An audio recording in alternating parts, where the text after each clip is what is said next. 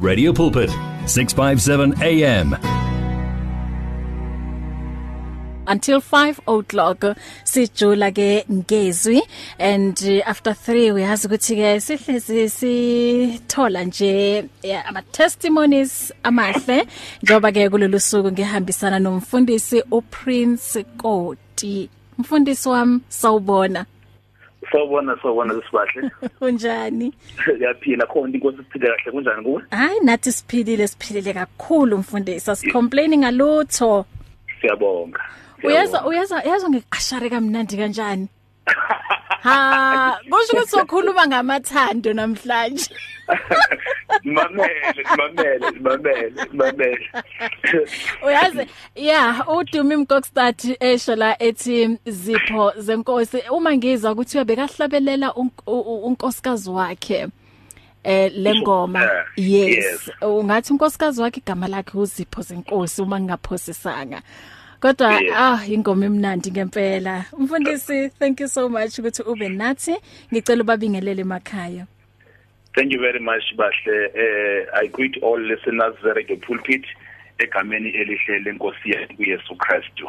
Amen. Yes. Uyazi earlier on kunengoma engidlalile eJoy Celebration. So ngilo ngiyababuza aba abalaleli ukuthi ichaza ukuthini le ngoma. Um bathi Jesu ak akandi nakira and then omunye wangithumelela iWhatsApp ne Yes. wathi lengoma ethi yena ngathi uyibeke kahle Jesu wakandi nakira uthi means God is so good to me Okay.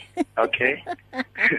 so hey siyafunda mfundisi ama language ahlukahlukile la Kunjalo we have to. We have yebo yebo Yeah. mm Mfundisi wami singene endabeni ngoba ngiyabona isikhathi naso sesiyagijima engathi sinomona. Hey ngathi siyabona ukuthi yazi sizokhuluma indaba ezinhle. Kodwa ke la ekhaya okumnandi futhi okuhle ukuthi ngazo zonke nje ikhathi 24/7 siphethe le gospel.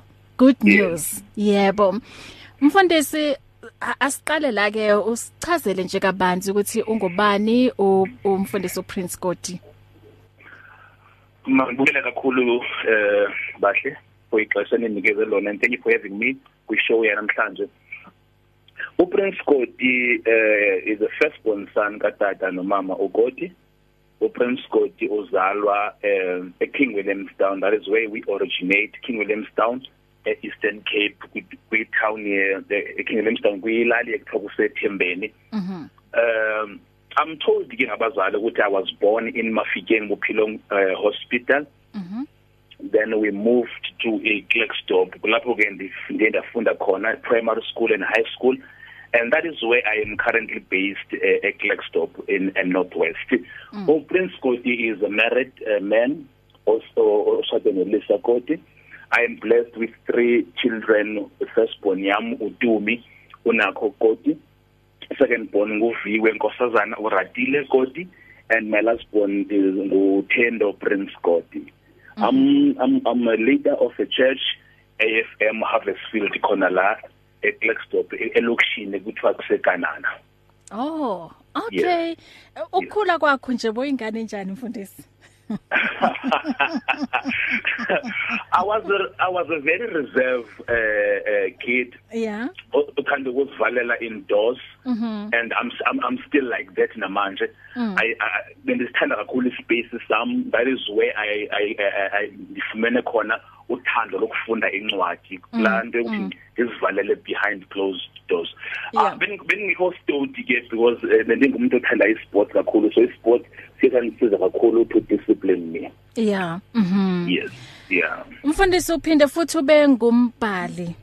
You yes. are an author and kunencwadi la e title enamandla impela. This yes. type of marriage. Yebo. So ngicela nje in few uh, seconds usitshele nje ngomshado wakho ukuthi mhlawumbe uhlangane kanjani nomama. wa propose kanjani? Ungasiza nabanye abo brothers lapha yakaphandle especially kubazalwane phela ngithi bathi abazalwane abakwazi ukupropose bathi ba propose ngama ngama verses so mhlawumbe ungabanika some few tips. All right all right. Um yeah. I, I believe many of my Facebook friends are, are, are waiting uh ukuva impendulo yami because I've been running away from this hayi namhlanje angeke uyibalekele. Mhm all right um I met my wife uh, esontweni. Mhm we we were in AFM Ebenezer mm. that is where I met her then kwahamba isikhathi ke awafika isikhathi soba umuntu makathathe mm. then I proposed her ukumpropose ke besisobabini um I visited uh ubaba wakhe baba wakhe was a very close friend of my father mm. and baba wakhe was a soccer coach so I used to play soccer so he loved me as a soccer player and he loved me as a, a son of a friend yakhe mm. So I used to visit ke ubaba wakhe and he used to visit mama wakhe and also the whole family. So one other day ke when we visited masifika lapho sahlala sasinokolela nje nabazali and all everyone ekhona. Up until ke abazali they decided to go and leave us by uh, down. Then sahlala sobabini ke no no Lisa. Then that is where now nakhupha inhliziyo yami kuye ke propose umshado. Yeah. But ke zangavume immediately. Mm. Zangavume immediately wathi nje now she she wants to think about it. Mm. and guess and guess what? She took the whole 5 months thinking about it. Sure so sure. I get i got my yes after 5 months of waiting mm. uh, from her. Wow so umshado yeah that is how ke singene sizindlela esingene ngayo leyo thina emshadweni so sisilisa bo boku hard to get she was hard to get she played let me say she played hard to get yeah she played hard because Yeah. but when I when I ask her now would you, Yeah. why did you make me wait for so long Eh. would I I I loved you the first day you proposed but Yeah. Bengafuna uvuma bengafuna uvuma Same ngokona day. ngoba. Yeah. Uyabona? so so I would say she played hard to get Okay mfundisi unencwadi la oyibiza ukuthi um, this type of marriage Yes. and ithembe ngifunda ku- kunala uthi you always prayed to God lapho lenkenkathi usingle ukuthi you want this type of marriage Yes. so what type of marriage were you asking God for the type of marriage that I, I asked uh, uNkulunkulu it's a it's a marriage that is based on prin biblical principles mm. standards and values ze ze Bible Mm. it's a marriage that uh, it's not copied from anyone not from my parents Mm. not from my, my my siblings not from my pastor but my own type of marriage a designed according to what the Bible says Mm. Mm. So that is the type of marriage I always prayed for to God, and I was very fortunate to find someone Wow. who was also also willing to design something that is not copied from anyone. Mhm Yeah, so that is the type of marriage we were praying for, or I was praying for, which I and and kuyo ngoku. Mm. So Yes. kusho ukuthi iqiniso le ndaba ukuthi wa- before uzongena emshadweni or mhlambe eh, lapho uzoqala khona i relationship nomuntu ezoholela emshadweni Yes. cela kuNkulunkulu kuqala consulta naye ukuthi you know ngifuna umuntu kanje or ngifuna umshado kanje kubaleka Yes. kangakanani Kubaluleke ngendlela yokuthi um it helps you okokuqala wena even before you go to propose someone Yeah. une direction Mm. you already have a direction you already have a vision Mm. you already have a, a mission yalomshado wenu Yeah. so when you praying to God you praying to God guided by the by the vision and the mission onayo ngomshado wakho yebo so obviously umozofuna umuntu ozomshada it must be- it must be someone who fits within i vision and i- mission yomshado so it helps you in guiding you not only uba uye kuNkulunkulu and saying God I want this but it also helps you as a human being ukuguide so that uma ungena emshadweni ungena emshadweni eh ngalento icele kuNkulunkulu i- Mm, i- mm, irelevant- i- kune kune relevance kuyo Yeah. So lana kule ncwadi this type of marriage ukhuluma ngawo umshado wakho or usuka ubuke neminye imishado. Lana with this type of marriage that it's a collection of marriages that I have Yeah. seen ek- ekhuleni kwami Mhm. it's not a book ebhalwe ngomshado wami uh, specifically Mhm. but in- eh, njengomuntu umuntu okhulele esontweni Yeah. ya ndiyibukele imitshato yasecaweni ndiyabukela imitshato yangaphandle Mm. and i looked at the, what the bible says about umtshato then i decided ke ukuthi let me write and remind believers of what bible says about umtshato Yeah. and also tell believers ukuthi there are some some some traditions esizibekele zona which are not biblical Mm. eh efumanisa efumanisa ukuthi we sizithwalise amazingi kunomoya abantu banze kuyithi it becomes Mm. difficult for them ukuthi bangene emshadweni just because there are some traditions esizibekile and which are not biblical so incwadi lena it assists now umuntu ayazi ukuthi is this thing or is this route yokungena emshadweni is it biblical or was it formed by church leaders Mhm. Yes. Uyazi njengoba sikhuluma ngomshado omunye uthi hm uyazi abazi ukuthi bakhuluma ngani lapha. Uyabona ngoba Yes. majority yabantu baluze ihope emshadweni and abanye bacabanga ukuthi there's nothing special about marriage or being married and it's Yes. not an achievement. So what's your view about umshado? My view about umshado ukuqala we need to understand uh, it's written kwincwadini chapter 8 Mm. we need to understand ukuthi umshado is a godly institution. Yeah. now njengoba kuyi godly institution umshado sofumana with ama principles and values eBhayibheli or ezulu enkosi.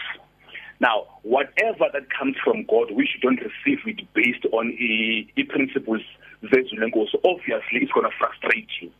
Now now i'm saying to those who have lost hope uh, emshadweni bangakashadi let them pursue umshado in a with biblical guided by the biblical principles so that mabefika emshadweni they should not be frustrated. Basho bathi umshado awusebenzi. Umshado uyasebenza. Uh and number 2 it is to understand indaba yokuthi uma singena emshadweni singena emshadweni with different characters different backgrounds different attitudes. So senza njani to meet each other halfway ukuze sikwazi ukuphila together emshadweni? So to those who have lost hope ndingasho nje ilizwi nje elisimple ukuthi let us go back to the bible and see ukuthi umshado yini because uzofuna ukuthi sometimes sizibekele eh, a mountain of marriage which ekungeyiyo lena befana ukuthi siphila yona now it becomes difficult for us to climb up that mountain kanti there's a simple way and a simple standard esibekwe ezweni lenkosi ukuthi this is what marriage is Yeah. yes Wow. Mm. And uyazi u- wa- u- uye wakhuluma ngenye into futhi ebalekile ukuthi marriage should be enjoyed not Yes. to be enjoyed. Enjoyed, Yes.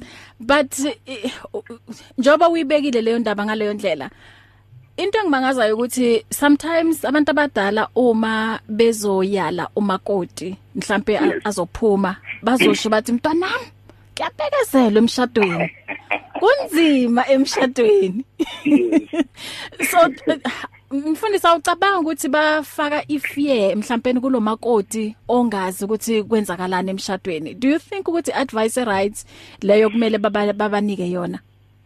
It is unfortunate but indaba ukuthi people uh, tend to follow a trend. Maybe Yeah. someone someone back in those days who said those words.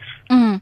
Ebheke isimo ngeso sikhathi. Yeah. Now we took those words saze- sawenza i trend and a tradition ukuthi this is how sizoyala kanje umuntu ongena emshadweni. Aha. Because umshado is not only i- a matter of ubunzima nokunyamezela. Umshado i- that is why encwadini linento ethi design your own your own marriage. Mm, so that mm. ungazo ungazonyamezela uzo enjoy Mhm. design your design your own marriage. Using your own characters checking at your own background and also at your own attitude together with the understanding of the word of God Mm. so indaba indaba yokunyamezela yes umshado u- u- zikhona ama akhona ama hiccups emshadweni Yeah. but it's not it's not like unyamezela from from from the wedding day until death set you apart Mm, no mm. akhona amaxesha obumnandi akhona amaxesha obunzima but now we need to teach abazalwane nasibayala sithi bazalwane kuno positive kuno negative emshadweni mm. it depends kuni as couples who- which side do you stick on? Mm. Yes. Hey, asikhulume le ndaba yokukopy amanye ama couples or um um a- a- a- eminye imishado. Ngoba Yes. nayo ukhulumile ngendaba yokuthi esikhathini esiningi abantu bayenza i copy and paste. Yes. And then uthola ukuthi imishado yabo iyafaila because mina ngibheke umfundisi uKoti nomamlisa ukuthi emshadweni wabo baphila kanjani bese ke ngifuna ukucopy leyo nto and then ngiyipaste emshadweni wami. Yes. And then uma e- ba- bahluleka or bahlulana uyamangala futhi ukuthi mos ngathi bengenza right ngoba umfundisi Godi noma Mlisa benza kanje emshadweni wabo. So indaba leyo copy and paste mhlambe i dangerous or into e right ukuthi ngenziwa? Ikabini bahle it is Mm. a good thing but at the same time it is a dangerous thing Huh? it's good in the sense yokuba when you copy it you should not uh, do a copy and paste 100% yeah Co- copy it analyze it modify it execute it your own way Mm, therefore mm, mm. So if ever you just copy and paste without analyzing because you we need to understand ukuthi we, we we are unique human beings Yeah. Sehlukile in terms of ama characters and ama attitudes so if my parents or my pastor baphile kahle in that in their type of marriage that, that does not mean nami ngizophila kahle in my own type of in in, in my copied marriage because their character is not my character so that is why i said people should design a marriage that fits their character and their Mhm. attitude and their attitude. So copying and pasting can be dangerous, especially if the copying is not analyzed by both partners. This is what we see from our pastor, but thina ingaba isilungele na? If isilungele what is it that we can we change? What is it that we can we fix so that nathi our character and our attitude can fit in what we are trying to do? Yeah. Or ingakho uthi copying something that does not match your preferences will breed a confusion. Yes yes in your yes. companionship. Kunjalo yes that's true. Wow wow. Wow isikhathi ke sithi 15:38 ngikanye ke nomfundisi uPrince Godi ubhale incwadi enhle la ebizwa this type of marriage. Uma ke unemibuzo noma uthanda ukukhomenta eh mhlambe usemshadweni akuhambi kahle and awu understand ukuthi mara kwenzakalani yini e wrong engiyenzayo? Or i partner yami yini into e wrong eyenzayo eyenza ukuthi mhlambe singazwani or thola kunama arguments ukhona ke umfundisi uKoti uyibhalile lencwadi this type of marriage.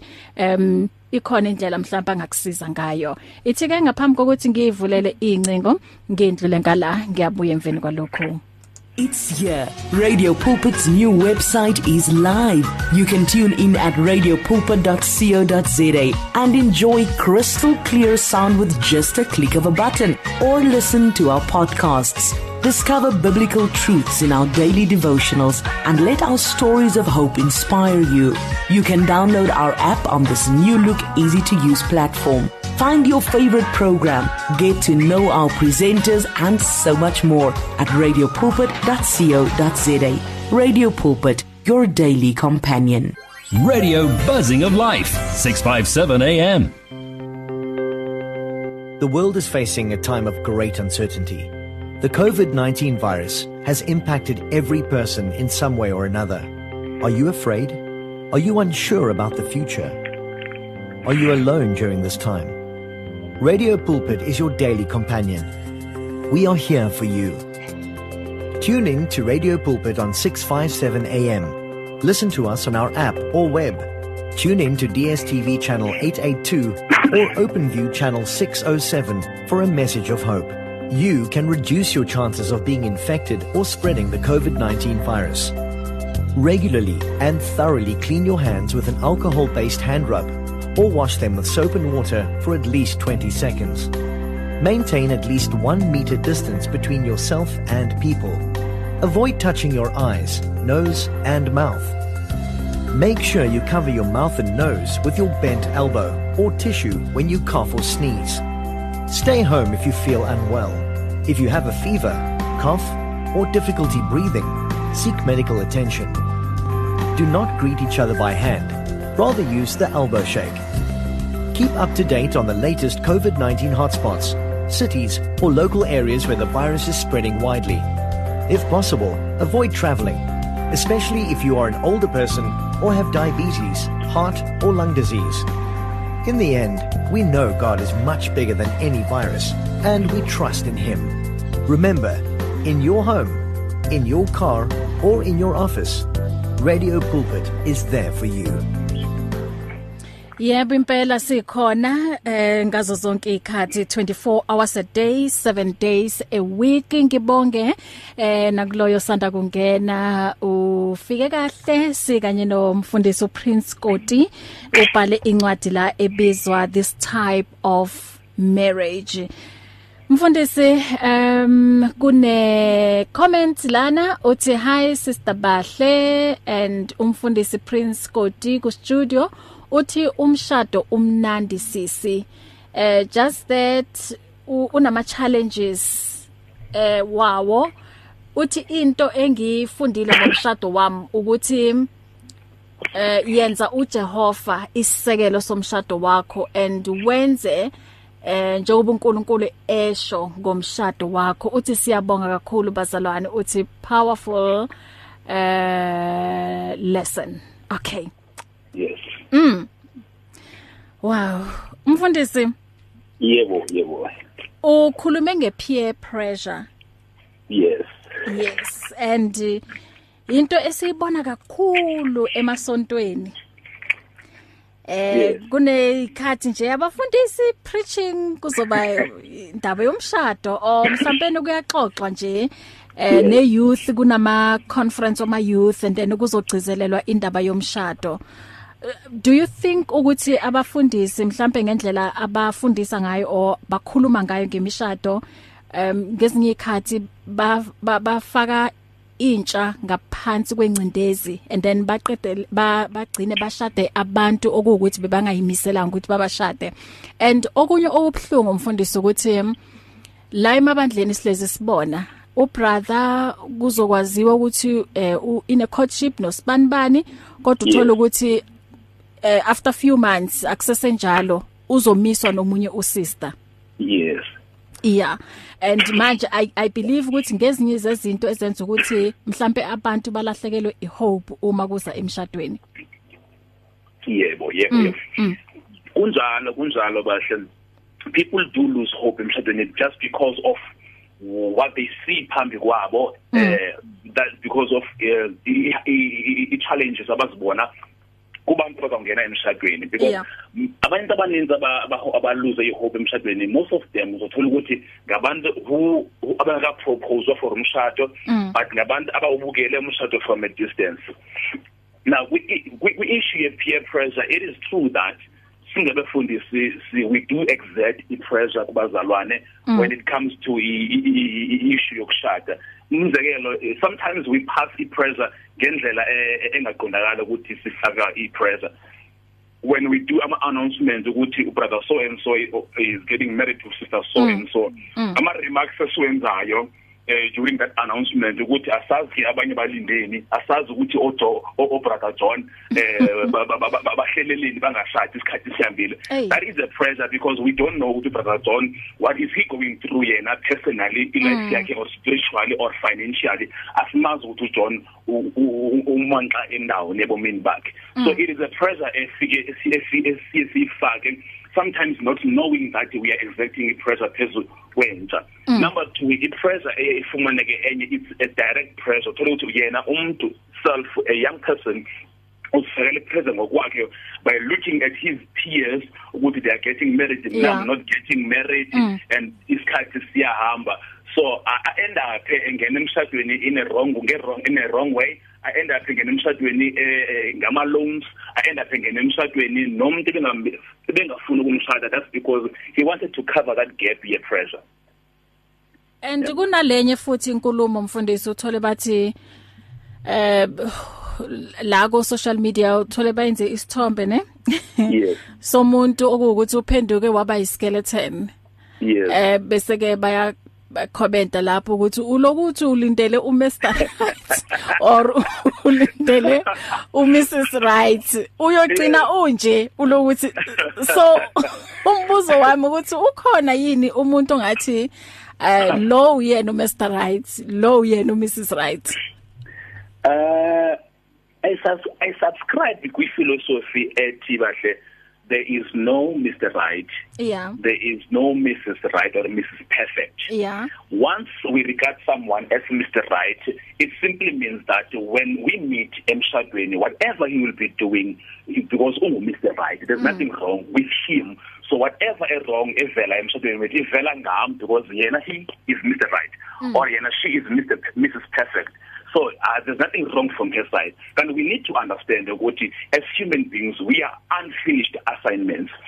So uma singena emshadweni singena emshadweni to fix each other. Mm. Yes, it's a right thing to wait for a right person. When we're talking about all right, we're mm. talking about a person who fits who fits your vision, who fits your plan and who fits your preferences. Mhm.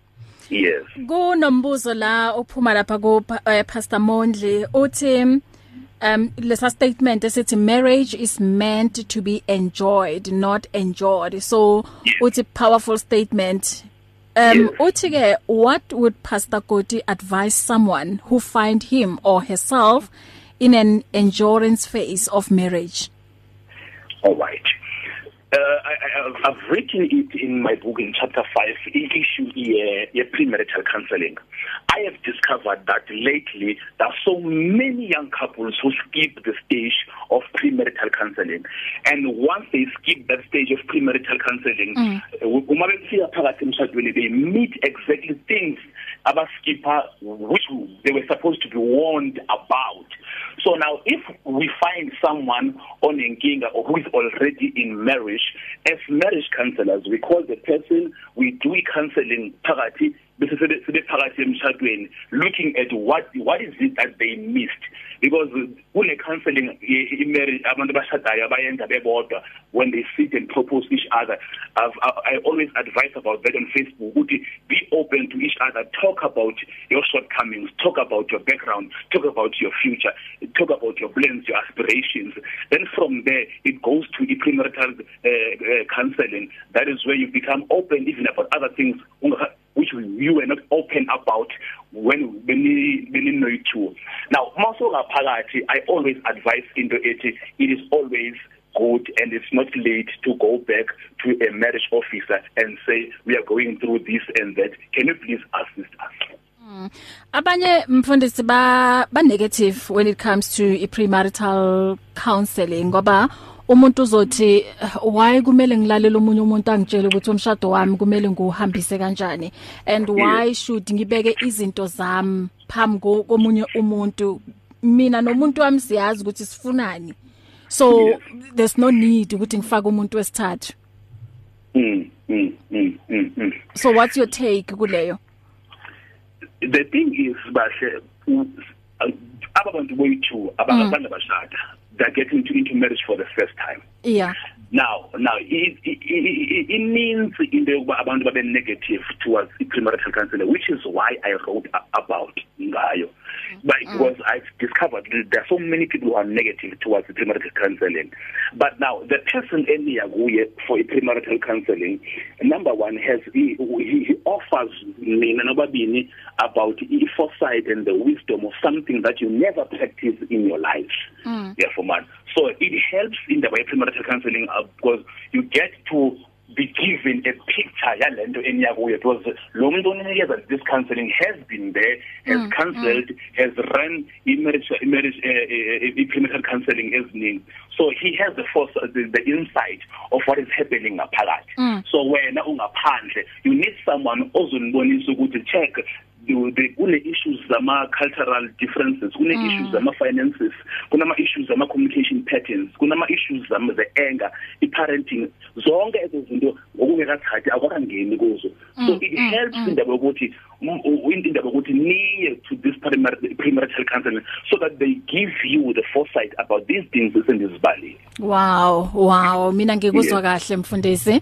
Um unombuzo uthanda ukukhomenta 012334 1322 nginomfundisi uPrince Koti ubhala incwadi la ethi this type of marriage ngiyacabanga ukuthi uma mhlawumbe ufuna ukwazi kabanzi awukakangena emshadweni o semshadweni and uh, usa ngoba siyafunda each and every day imfundisi does it Yes. matter ukuthi una 20 or una 15 years usemshadweni Yes. each and every day kuba khona into ofunda ngayo and nawe ku- ku- encwadini hu- uyewasho ukuthi em em wena nonkosikazi yakho nina 14 years ne? Yes it's 14 years. 14 years nishadile. Kodwa kusesekhona izinto ezikumangazayo ezenzakalayo. Boyitshela That is ukuthi true. you know what? Usesilisa ngiyamazi man. Yeah but yeah. kusesekhona izinto ezikumangazayo mhlawumbe uzukhamisa uthi eh uyena ulisa la. Okay ngicela Kunjalo. sithathe ucingo lana. Um so okay uhambile thi ngizame ngala. Okay u- u- uhambile. Ziba khona mfundisi ikhathi ezinjalo? Kunjalo kunjalo. Yeah. sibakhona and and ziningi kakhulu. Yeah. that is wh- that is why in in in, in chapter 2 we spoke about 3 which mm. is dating a right idea for a believer because we we we looked at the issue of dating it is where we dis- we we we learn our uh, about each other and Yeah. have discover, mm. discoveries about each other Yeah. but the, the the thing is we never exhaust those discoveries as a full money opheleleyo in that dating uh, stage Yeah. so people need to understand and need to know ukuthi umuntu udalwe uNkulunkulu umuntu is a mystery you can Yeah. never fully understand umuntu you will get surprises every morning mm, mm. man yeah sure yeah. asibuyele la elayinini sawubona semoyeni Hayi awusashayeni njani? ngiyaphila ma wena unjani Ngiyaphila. Ngicela ubuza umfundisi ukuthi kule ncwadi yakhe did he manage to balance the fact that kulamasuku women are more empowered economically and financially and therefore men need to make peace with that because most bazalwane all they teach is ubaba uyinhloko ekhaya Mm. and when it comes to finances it becomes a challenge. And when you listen a person over intimidated ungamenzanga lutho just because you're financially more more advanced mm. than men. It's a reality that the church is facing, and most pastors they talk about respect. Mm. They talk about whatting be submissive and all that, mm. but they don't talk about this reality that men and less than some of the women. I'm just putting the statement on the Gucci. Is it covered now? Are you balancing this thing? masikhuluma ngendaba zomshado na especially ku premarital counseling mama yeah yeah ngoba ba- bayasaba kushada bosisi laba nemali bayasaba ukuthi bazoba it's it's Bazoba like a norm bossa, ukuthi bazo- yes. ah, baru u- abadelela or Yeah. wetazanzwa you know all those things Mm. but if the pastors will rise up and speak about it not only when they earn more than their wives but mm. even when they know that there are other women who earn more than their husband or potential husband for that matter Yeah. Mm. Em siyabonga uzolalela ngithi ku radio. Siyabonga. Yebo. Yeah ukuthi uliveze lolu phuzo li- libalekile kakhulu. Thank you so much ma. Bless Thanks. you. Bye. Em mfundisi? Yes yes Mm. i have balanced it i question kamama abuzayo ukuthi have we balanced because most of the time uqin- uqinisile most of the Yeah. time the books that are written on marriage we we we lean mostly kwi-side respect Mm. I have written uh, a chapter ekhuluma about ekhuluma about the missing puzzle in marriage. Mm. I have written a chapter in this book ekhuluma about uh, after the wedding day, the hiccups after the wedding day. Mm. So in that chapter, in those two chapters, I have tried to balance the issue of finances. Mhm. Eh, ngithathe issue of finances from umuntu esesingle. Mm. uma eza ezemshadweni nezikweleti zakhe we need to be open and transparent mm. about that Yeah. then the issue ye ye- yema salary are different ukuthi omunye uhola ukudlula omunye even if it's a female or it's a male we need to understand ukuthi our roles are not affected or influenced by our salaries. Mm -hmm. so i have touched that part uma mayibuzayo Wow. yes.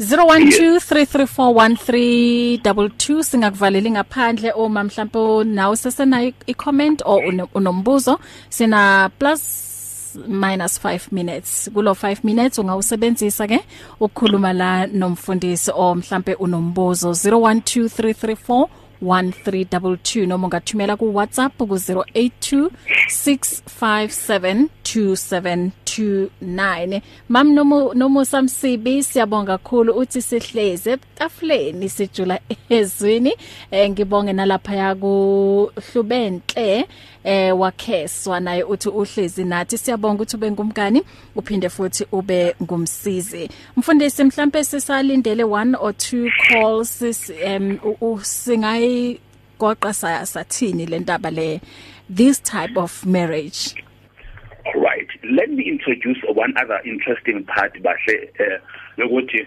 as the church mm. we have forsaken single people. Yeah. Uzothola ukuthi most of the time we only uh, consider them when they are proposed for marriage. Mm. The only time where we get to speak to them about indaba yomshado is when we take them to premarital counseling. Mm. So it is a, my prayer and a prayer of my heart and also the goal of this book ukuthi we close that gap. Mm-hmm. yefumana mm. we close that gap. We develop programs in churches that will empower and also teach abantu about umshado way before they are proposed. Kube ne foundation ebekwayo. So that when they go for premarital counseling the premarital counseling isikhathi esiningi yenziwa for 7 days 8 days 5 days. And there are some habits that we have learned for maybe for my 25 years before I, I get the proposal. Mm. so I cannot unlearn those habits within 7 days of premarital counseling. So the program itself needs now to be developed by the pastors in their churches teaching the young people ukuthi this is how you transition from being single to being married. Mm. So yeah, the mm. book itself now it tried to cover that gap because it does not only cover the single people. In my book, I've also uh, covered for a, it does not only cover the married people, mm. but I've also written for abantu aba single because chapter 1 to chapter 5 talks is, is addressing a single person and also telling umuntu omusha o single ukuthi it's not a sin to be single yeah. but uba single ukuba single it's a it's a it's a time and a stage which God has given you ukuthi uzidevelop ungene emshadweni ufully developed. Yeah. In, in um, all spheres of life yeah. Umfundisi esikhathini esiningi iziphi izinto ezibhidliza umshado and zingahandlilwa kanjani lezi zinto noma le inkinga lezo? Mhlawumbe ungabala um i don't know 3 or 4 or 5 Number 1 yeah. it's building it's building marriage on life.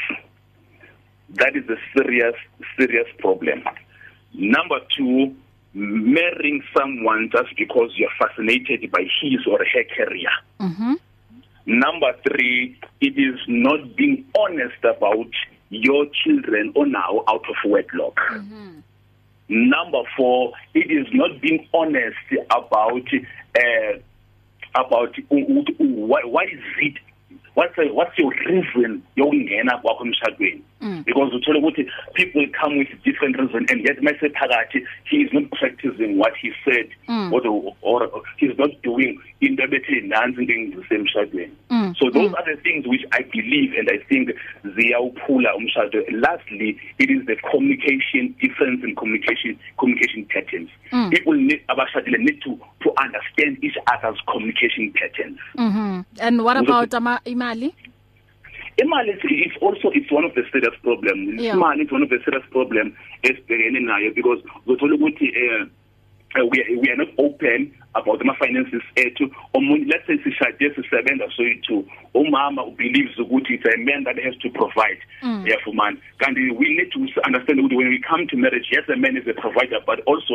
a woman as a member in the couple in this marriage has to play her role. Imali zethu serious ba njengebhayibhile ithi we are one thing which Yeah. is why bendithi when we talk about this type of marriage sibuyisela umshado back to the biblical prin- principles ethi you are one thing. So whatever siyenzayo even if it's finances funeka siyenze siyi one that is why the last chapter uh, sibahle it talks about being in one accord with your partner meaning that in in in your thinking in your reasoning Mm. eh, in your finances you are one thing so that umshado wenu kwazi ukuphumela phambili. Ngicela ukubamba kancane ngithathe okugcina la.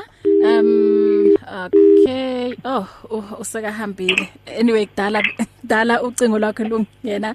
Okay ngic- eh, ungabuya futhi ngina yeah okay nangu sabuyile sawubona semoyeni Nkosazana, kalimambo.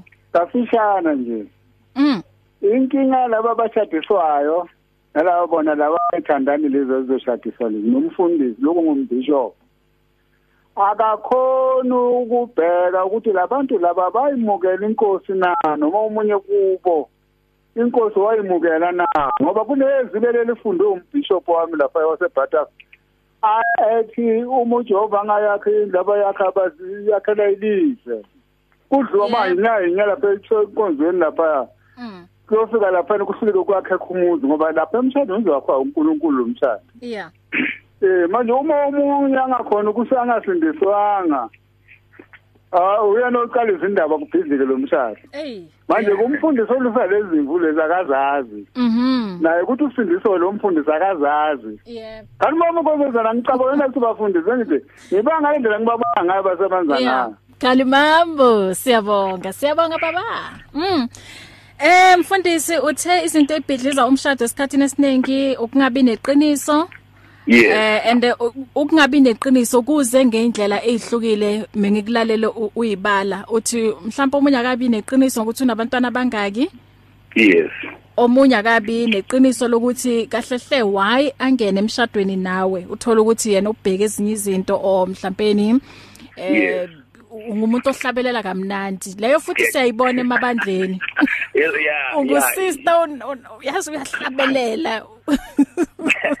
oh maybe uyidrama uyabona? Yes yes or a yes. best guitarist. So umuntu nje uyazi uchazwa yilokho and then athi Yes. hayi lo ngiyamshada kodwa uma sebangenile emshadweni uyaxakeka manje. Kuyaxakeka because umshado is not a uh, home cell service umshado is not a sunday service umshado Yeah. is something something different akudlala akudlala amapiano emshadweni akudlala akuna akuna microphone emshadweni yebo mhm yeah yeah Wow. Mfundisi wami isikhathi sona nje esithi eh angikudedele. Ngibonge kakhulu ukuthi ube nathi ku lentambama. Okay, singcine ngomyalezo la omunye. Good afternoon bahle nomfundisi. When you in this type of marriage with someone who is not born again, he get irritated by things of God and is it delay mhlawumbe oh uh, and it delays my calling. Oh okay ukhuluma ngaye he paid lobola. Now we are stagnant. We even no longer sleeping together um i must say. Sure. Mfundisi lena maybe in one second is- ungathini kuyona le ndaba? I always encourage abazalwane ukuthi when they see someone as a potential husband or a wife it is very important ukumbheka umuntu in three stages or in three spheres firstly it is the soulical that is aspirations and dreams zalo muntu lowo mm. number 2 it is spiritual level salo muntu lowo that is understanding ukuthi ubelieve in which doctrines and what type of religion akuyo number 3 is the physical side yalo muntu lowo ke so Yeah. in this issue that is why Paul ethi we should not be equally yoked with unbelievers because sina two levels esingafani at all with unbelievers sifana only in the physical uh, sphere so kule issue lena efana lena if if ever seke sekubhadela amalobola and the guy is interested in getting uh, married to sis it's difficult to Mm. advise umuntu kule situation I- i would say just makenze sure ukuthi yena they go for premarital counseling so that ba understandane better Mm, but mm. if ever there is there, there is a way of coming out of it. I always say it's better to break a, a, a, a what do you call it's always to break an engagement than to break marriage. Yeah. so if there is there is a way of taking a reverse engaging reverse gear manje it is better to do that way especially if she's already seeing signs the frustration njengamanje. Yes. Umbuzo ogcina u- usisimo uyabuza ukuthi iliphi verse elithi a man is a provider likhona athi uthi likhona yini? I, I I think I think most most believers and uh, they take a verse uh, um, if I'm not mistaken in Timothy elithi a man who does not provide for his family is Yeah. worse than an unbeliever. So I think they take that verse bayenze ukuthi a maid is a is a provider. Lona iverse specifically elisho ukuthi a maid is a provider alikho okay. Mfundisi utholakala kuphi? Um mhlawumbe ushare your WhatsApp number um your Twitter handle Instagram Facebook. My Twitter handle is Prince Scotty. My uh Facebook uh I've got Facebook page and a personal blog yami uPrince Scotty nakhona. Ngiyatholakala ku Facebook uyatholakala futhi ku WhatsApp in the kule number ethi 078 352 2613 Mhm. And uya launch ne? Incwadi yakho next week? Yes yes yes. Ngiya launch incwadi yami. This I'm excited. I can't wait. Ngiya launch incwadi yami this coming this coming Saturday in Klerksdorp. Wow. Kuphi ne Klerksdorp mfundisi? Klerksdorp will be in Joburg. Eh kuphi? Elokishini. Joburg elokishini eNorthwest Oh ngisho kuphi nendawo? Mhlawumbe kunabantu abakhona lapho eJobetina abalaleli kwamanje. All right. All right. eJoburg will be in AFM uh, ku Bishop Makaudi but it works this way you buy a ticket in advance and the ticket is 100 rand. Oh ngasho ngasho ngasho ngasho. Imali. Oh sorry sorry sorry sorry sorry sorry sorry. Sorry but can you buy ticket in advance? Yes. Yeah yeah. Baza yeah. bazoxhumana nawe mfundisi uma befuna ukwazi more about right. yeah All about right. the launch. So All thank right. you so much and may God bless you. Ihambe kahle i launch yakho. Thank you very much Sibahle for having me on the show. Ititle lencwadi bazalwane ithi this type of marriage and wa wayenza red and white. Siyazi ukuthi red and white you know? Ngabo valentine kugcokwa kana somfundisi wathi hayi nencwadi nencwadi akube yilawo makhalasi. Siyabonga mfundisi. Thank you very much Bahle amen. Amen As easy as the touch of a button, the message of life on 657 AM.